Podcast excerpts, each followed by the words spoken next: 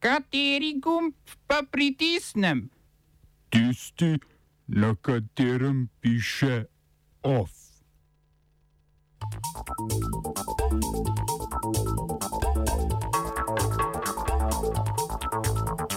ساق الخريل من جرك وخ الخريل من ترك Preiskava proti Trump Organization iz civilno-pravne napredovala v kriminalistično. ZDA omaknila sankcije za operusko podjetje upleteno v gradnjo Severnega toka 2. Črnogorski predsednik Milo Djukanovič zavrnil podpis spremembe zakona o imenovanju toživcev. Na vrh Fursa se vrača težko kategornik slovenskega in srpskega mešetarjenja z davki Ivan Simič.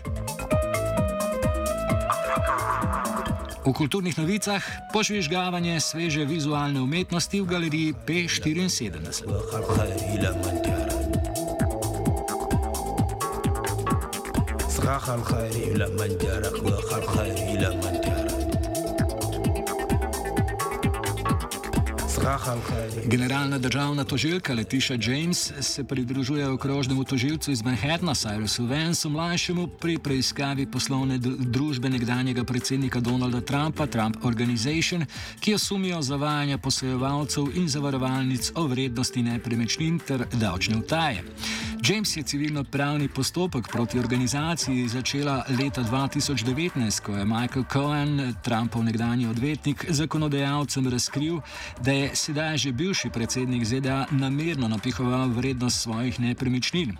Medtem ko je tožilka James eh, Trump Organization obtožila skrivanja listin o svojem poslovanju, je pisarna Vansa mlajšega sprožila obsežno kriminalistično preiskavo te dokumentacije. Zaradi utaje listin bi bivšemu predsedniku ZDA lahko grozila zaporna kazen in ne zgolj globa. Trump se je sicer branil, da je nedolžen in da je preiskava politično motivirana.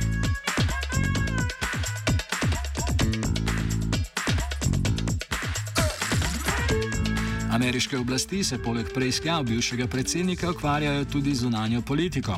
Tako je ameriška administracija pod vodstvom predsednika Joea Bidena preklicala sankcije zoper rusko podjetje Northern Stream 2AG, ki gradi plinsko povezavo Severni tok 2. Ta povezava bi prinašala zemljski plin iz ruskega Viborga čez Baltsko morje do nemškega pristanič, pristanišča Greifswald. Za dokončanje plinske povezave si že vrsto let prizadeva nemška vlada pod vodstvom Angele Merkel. Končna usoda skoraj že dokončanega projekta še ni posem jasna, saj ostaja v veljavi večina ameriških sankcij zoper Rusijo, kar evropska podjetja odvrača od sodelovanja pri projektu. Tudi v ZDA se v obeh strankah eh, pojavljajo pr- pr- prve kritike na račun to vrstne poteze ameriške administracije. Tako se je proti sproščanju sankcij negativno izrekel demokratski se, eh, senator Bob Mendes, eh, predsedujoči v komiteju Senata za zunanje zadeve, kot tudi najpomembnejši republikanski senator v tem komiteju Jim Risch.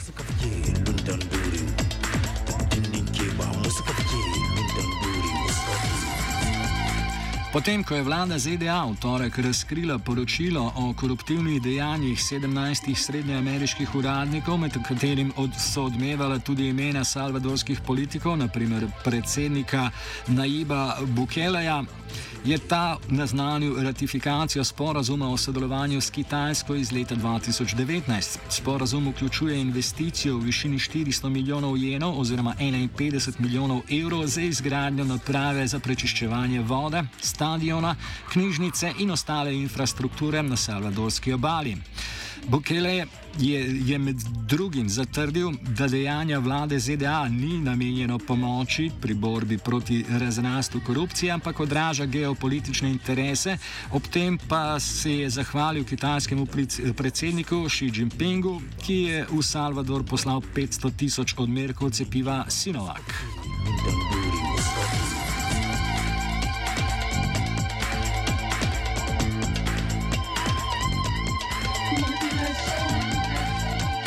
Evropski parlament je potrdil resolucijo, ki ugotavlja, da so odnosi med Evropsko unijo in Turčijo na nizki točki, zato je od Evropske komisije zahteval, da se turški pridružitveni postopek formalno zaustavi.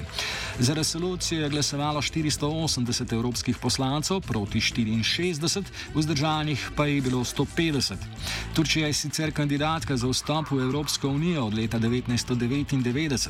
Zaradi različnih pogledov na vlogo Turčije je dejanska zaustavitev malo verjetna, saj bi za to vrstno odločitev potrebovali soglasje vseh držav članic.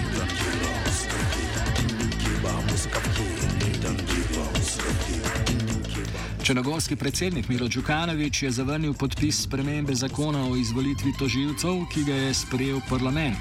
Zakon bo po njegovi odločitvi poslan v ponovno parlamentarno obravnavo. Glede na predlagane spremembe bi za izvolitev tožilcev v parlamentu zadostovala navadna večina 41 poslancev namesto zdajšnje dvotretinske večine 54 poslancev. Druga sprememba se nanaša na mesto vrhovnega državnega tožilca, ki bi ga po spremembi zakona lahko zasedel vsak pravnik, do sedaj je lahko to mesto zasedel zgolj tožilec. Vladna koalicija, ki ima 41 sedežev v parlamentu, je spremembe v zakonu povezovala z bojem proti korupciji, opozicija, kjer imajo primat Džukanovičevi socialisti, pa se je naslanjala na opozorila iz Evropske unije o politizaciji sodstva. Vladna koalicija napoveduje, da bo predlagala odpoklit Džukanoviča z predsedniškega položaja. Oba, če, če bom odgovoril na angliški. Slovenia will try to help. We can Slovenia will and we will do our utmost To say that the situation is, our problem ourselves. and uh, We will make further steps as soon as the conditions are bomo vlado Marjana Cererja, Mira, Marjana Cererja Šarca podprli. uh, very, very serious. we know how and we will. Po lanskoletni razrešitvi generalnega direktorja Fursa Simona Stančka strani finančnega ministra Andreja Šircla se na vrh finančne uprave vrača Ivan Simič. Ta je najbolj poznan kot nekdani direktor slovenske in kasneje srpske davčne uprave ter trenutni predsednik strateškega sveta za debirokratizacijo, ki ga je lani ustanovila vlada Janeza Janše. Simič je na Fursu trenutno zgolj v vlogi vršilca dožnosti. Trdi tudi, da se ne namerava prijaviti na razpis za polni mandat. V okviru svoje kandidature napoveduje poenostavitev poslovanja in razbremenitev zaposlenih na Fursu ter zagotavljanje nepravi. Pa, pardon, ugotavljanje nepravilnosti pri izdajanju odločb, kar se kaže naprimer z napadi na davčne inšpektorje, ki so po njegovem politično motivirani. Ko je sicer Simič leta 2006 prevzel vodenje Fursa, se mu je očitalo, da naj bi po pritožbi na višino odmerjenega davka svoje podjetje začasno prestavil na Cipr, s tem se je izognil plačilu davkov. Po poročanju portala necenzurirano.si naj bi bil tudi reden donator stranki SDS.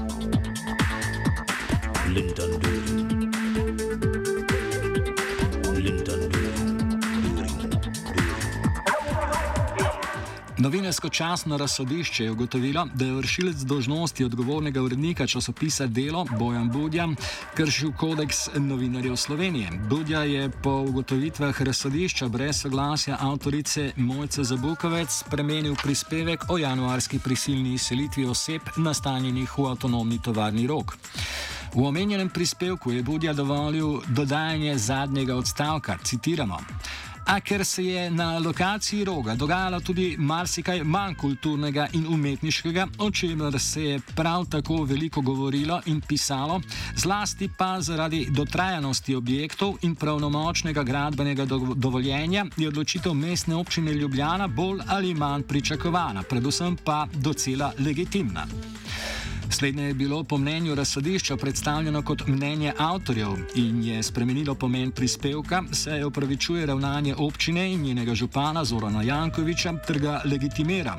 Gre sicer za običajno prakso časopisa Delo, le da lektori odgovornega urednika opozorijo o zapisih o določenih osebah, med katerimi je tudi ljubljanski župan.